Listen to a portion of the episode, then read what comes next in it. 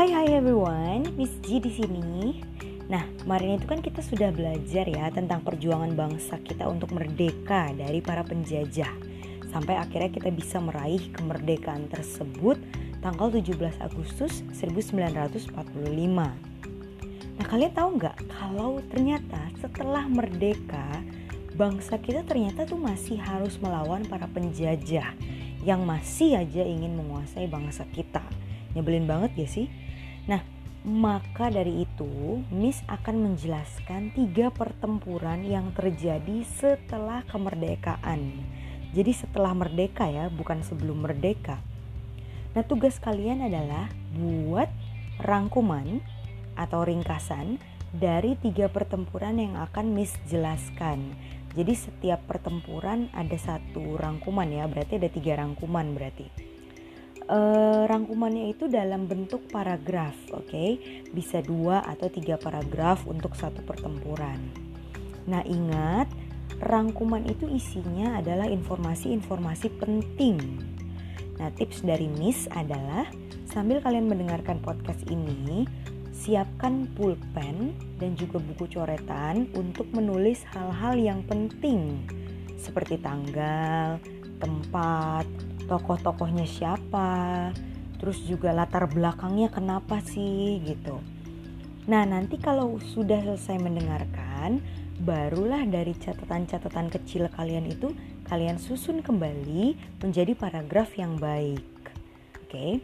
Nah, rangkumannya ini ditulis dengan rapih ya, supaya Miss bisa baca di buku catatan IPS kalian. Jadi ini sekaligus buat catatan kalian ya. Jadi makanya tulisnya yang rapi. Setelah itu difoto lalu dikumpulkan ke Google Classroom judulnya uh, pertempuran. Itu paling lama hari Senin besok. Oke, dikumpulkannya. So, dengerin sampai akhir ya. Selamat mendengarkan.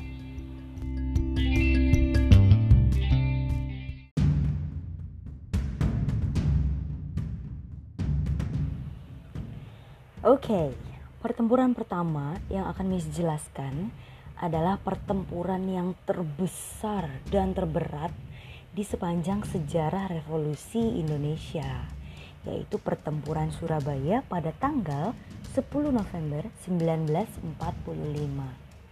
Pertempuran ini terjadi antara bangsa kita, khususnya Surabaya, itu melawan tentara Inggris. Pertempuran ini disebut pertempuran terberat karena berlangsung selama lebih dari tiga minggu. Coba bisa bayangin gak kalian? Perang terus menerus selama tiga minggu nonstop. Wow. Kenapa sih bisa terjadi pertempuran ini? Nah, jadi gini loh guys. Setelah merdekanya bangsa Indonesia tahun 1945 dan kekalahan Jepang terhadap sekutu karena waktu itu eh, Nagasaki Hiroshima dibom ya kan itu menyebabkan sekutu uh, salah satunya adalah Inggris datang kembali ke Indonesia. Di Surabaya itu awalnya tanggal 25 Oktober 1945 tujuan utama mereka sih katanya untuk memulangkan tentara-tentara Jepang kembali ke negaranya. Tapi ternyata ya ternyata ada maksud terselubung, yaitu mereka tuh mau mengembalikan Indonesia untuk dijajah kembali sama Belanda ternyata. Ya istilahnya waktu itu tuh Inggris sama Belanda nih temenan gitu loh. Nah hal ini tuh memicu gejolak masyarakat Indonesia yang gak terima untuk dijajah kembali. Jelas dong. Nah insiden klimaksnya itu puncaknya sebenarnya terjadi karena perobekan bendera Belanda di Hotel Yamato. Jadi ceritanya tuh waktu Indonesia merdeka tanggal 17 Agustus keluarlah maklumat. Maklumat tuh maksudnya kayak pesan gitu ya dari presiden kita waktu itu Soekarno kepada seluruh masyarakat untuk menaikkan bendera merah putih di semua wilayah. Tapi tanggal 18 September 1945 kira-kira pukul 9 malam lah gitu sekelompok orang Belanda di bawah pimpinan Mr. Plokman namanya itu ternyata mengibarkan bendera Belanda di atas Hotel Yamato di Surabaya tanpa persetujuan pemerintah daerah Surabaya. Nah, keesokan harinya, tanggal 19 September, para pemuda Surabaya melihat hal itu dan wow, sontak marah dong karena pengibaran bendera Belanda itu dianggap penghinaan terhadap kedaulatan Indonesia. Lalu mulailah waktu itu berkumpul massa protes terhadap bendera tersebut. Akhirnya, dua orang perwakilan pemuda Surabaya, waktu itu namanya Sidik dan Haryono, masuk ke hotel tersebut dan melakukan perundingan dengan Mr. Blockman. Permintaan mereka tuh cuma satu, yaitu untuk menurunkan bendera Belanda. Tapi ternyata Mr. Blockman tuh menolak dan pembicaraan waktu itu pun mulai memanas. Sampai akhirnya Blockman mengeluarkan senjatanya dan terjadilah perkelahian di dalam ruangan tersebut. Dan kalian tahu nggak, Mr. Blockman tuh mati dicekik om uh, sama Sidik. Tapi sayangnya Sidik pun waktu itu akhirnya mati karena ditembak oleh pasukan pengaman Blockman yang berjaga di luar ruangan tersebut. Tapi waktu itu Haryono berhasil kabur. Terus akhirnya dia bersama Kusno Wibowo itu memanjat tiang teratas Hotel Yamato dan merobek bagian biru dari bendera Belanda. Sampai yang tersisa akhirnya bagian merah putihnya aja. Kan e, bendera Belanda tuh kan biru merah putih kan? Nah bagian birunya tuh dirobek sama si Haryono itu dan tinggal bagian merah putihnya itu yang terkibar di atas Hotel Yamato gitu kan Nah, setelah insiden tersebut, wah, mulailah pertempuran meletus. Sampai akhirnya Jenderal Hawthorne namanya waktu itu meminta dengan khusus kepada Soekarno untuk tolong deh redam deh suasananya nih panas banget gitu ya. Nah akhirnya Soekarno berhasil nih. Akhirnya ditandatangani lah gencatan senjata.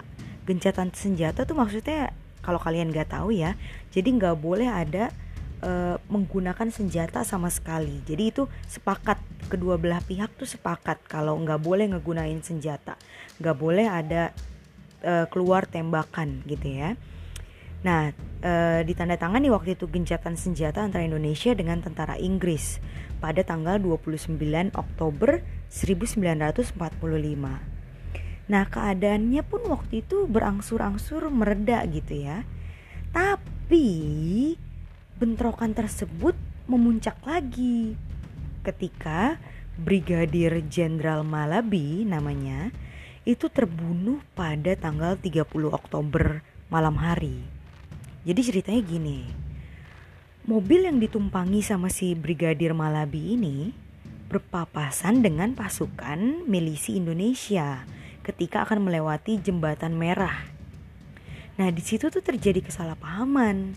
Seorang saksi mata menyebutkan bahwa para pasukan Inggris ini tuh katanya nggak tahu kalau saat itu tuh lagi genjatan senjata karena komunikasi mereka dengan pusat gitu ya terputus.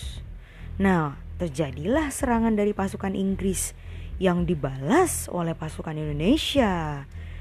Nah, pada akhirnya Jenderal Malabi itu tertembak di situ dan bahkan mobilnya itu terbakar uh, sehingga su uh, sampai sulit dikenali gitu.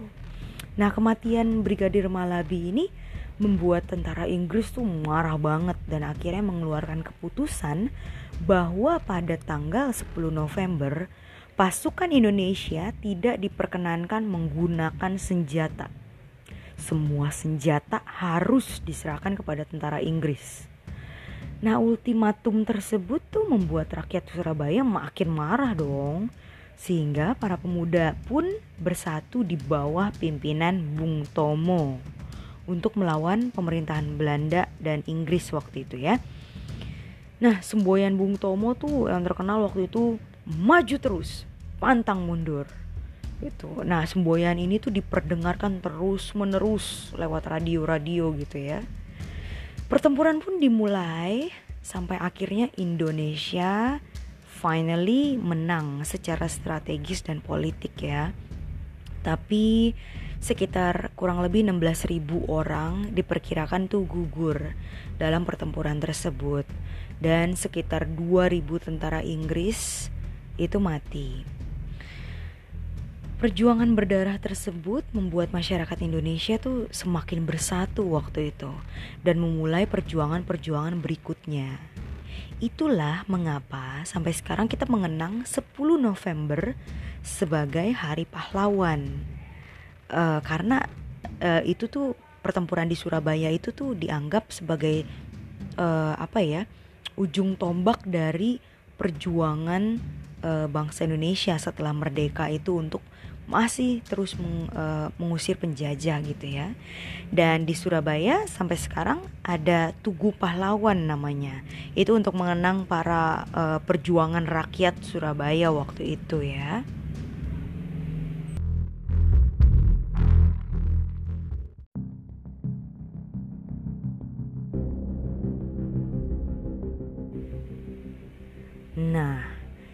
Tadi kita udah dengar perlawanan arek-arek Surabaya melawan para penjajah, sekarang kita beralih ke perlawanan masyarakat Bandung melawan tentara Inggris.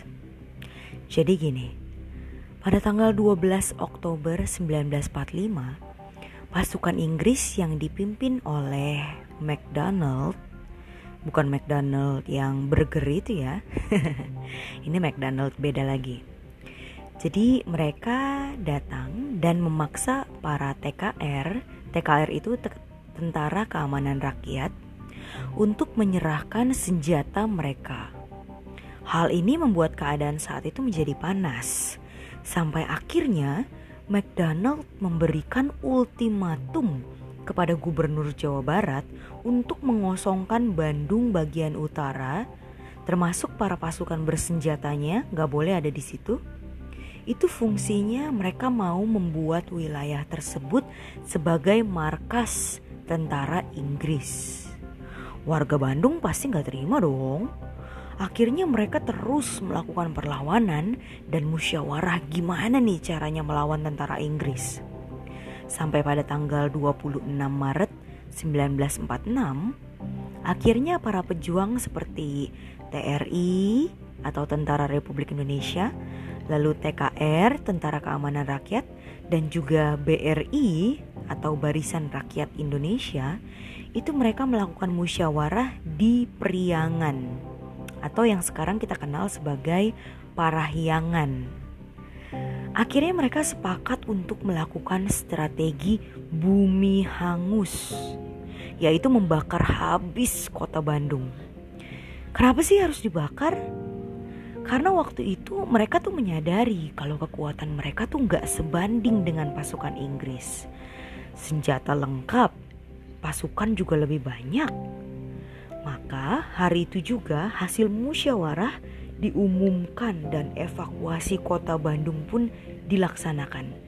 Kebayang gak tuh guys, evakuasi satu kota Udah kayak film-film zombie gitu gak sih? Tapi ini gak ada zombinya loh ya Nah, asap mulai mengebul di mana-mana. Mulai tuh pembakaran. Semua listrik padam maka masukan pasukan Inggris pun mulai menyerang pasukan Bandung yang masih berada di wilayah tersebut waktu itu. Pertempuran paling sengit nih terjadi di gudang amunisi besar milik sekutu. Dalam pertempuran ini ada yang namanya Muhammad Toha, salah satu milisi dari BRI, Barisan Rakyat Indonesia, yang terjun dalam misi untuk menghancurkan gedung tersebut. Kalian tahu Muhammad Toha pakai apa buat ngancurin gudang itu? Pakai dinamit. Wow, meledaklah gudang itu kan. Tapi sayangnya Muhammad Toha juga gugur dalam ledakan tersebut. Jadi Toha memang sudah rela berkorban nyawanya sendiri gitu ya demi berjuang untuk bangsanya. Hebat ya Naya. Akhirnya api pun terus menjalar sampai akhirnya semua pasukan baik Bandung maupun Inggris pun nggak ada lagi yang masih tinggal di situ. Dan itulah awal tercetusnya sebutan Bandung Lautan Api. Nah peristiwa inilah juga yang mengilhami lagu nasional Halo Halo Bandung. Masih inget gak liriknya?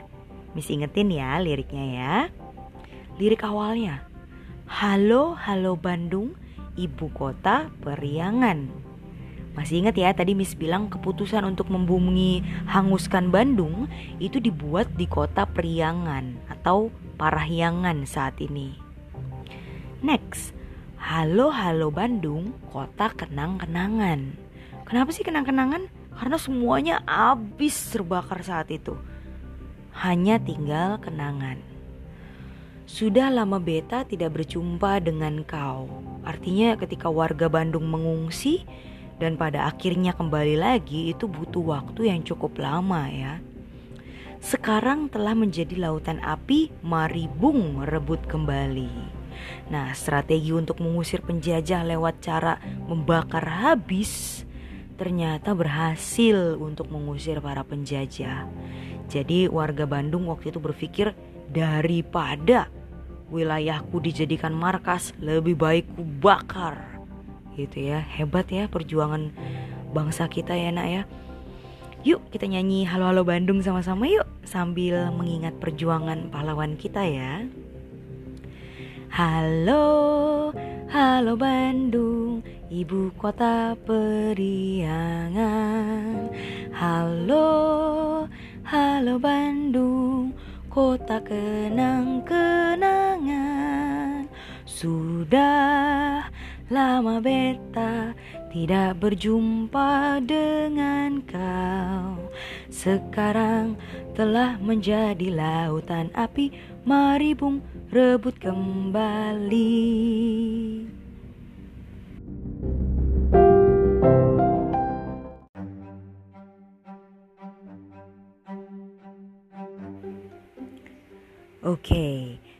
kita masuk ke pertempuran terakhir, yaitu pertempuran Ambarawa.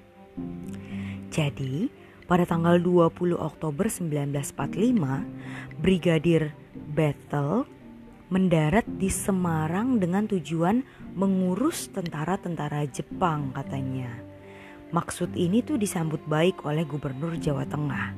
Tapi ternyata sama aja dengan kasus di Surabaya ternyata keinginan mereka ini tuh terselubung yang maksudnya adalah untuk menjajah kembali. Kalian tahu nggak? Waktu itu pasukan Belanda yang ditahan sama masyarakat Indonesia itu malah dibebasin sama tentara Inggris dan dikasih senjata. Parah banget guys itu.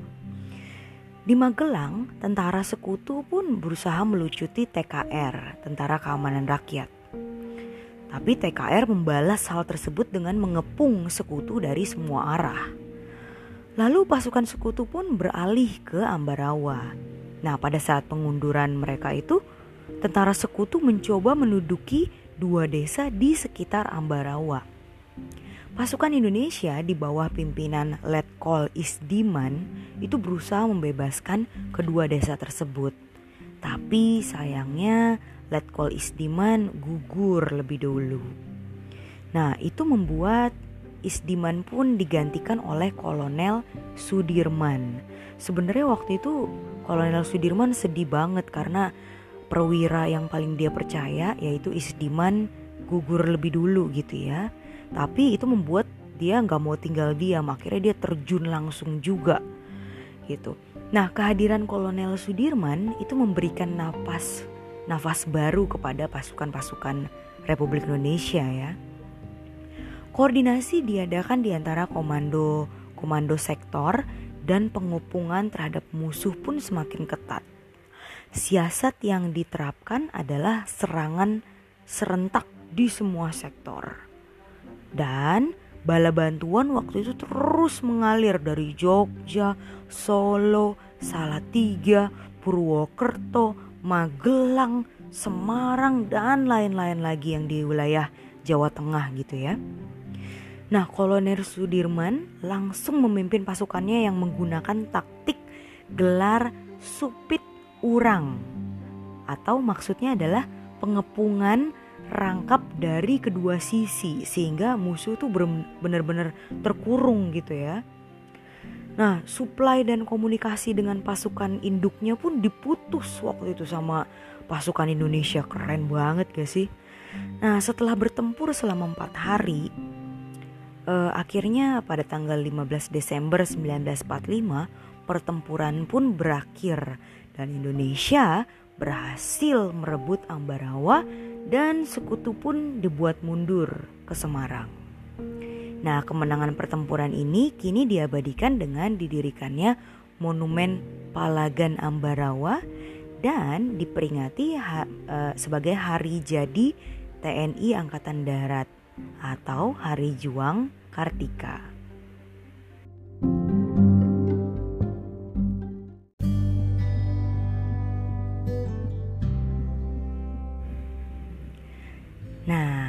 Setelah mendengar tentang tiga pertempuran yang terjadi di bangsa kita, Miss mau mengajak kita semua belajar bahwa persatuan dan kesatuan itu tuh kunci dari sebuah kemenangan, guys. Coba seandainya orang Ambarawa tidak dibantu oleh orang-orang Jogja, Solo, Semarang, dan lain-lain, mana mungkin mereka bisa menang? Gak mungkin. Bayangkan waktu itu Indonesia tuh hanya bermodalkan bambu runcing. Mungkin mulai ada senjata-senjata ya, tapi yang pasti senjata kita nggak secanggih bangsa Inggris atau Belanda waktu itu. Coba bayangin, bambu melawan senjata, pistol, ya elah. Mana bisa menang kalau bukan karena bersatu. Jadi Miss ingatin sekali lagi, kunci kemenangan kita dahulu hanyalah kesatuan. That's why Miss berharap kalian juga bisa menerapkan kesatuan di mana pun kalian berada ya. Jangan pernah merasa, ah, aku lebih pintar, eh aku golongan kaya, eh aku lebih cantik atau ganteng atau yang lain-lain lah ya. No, please banget.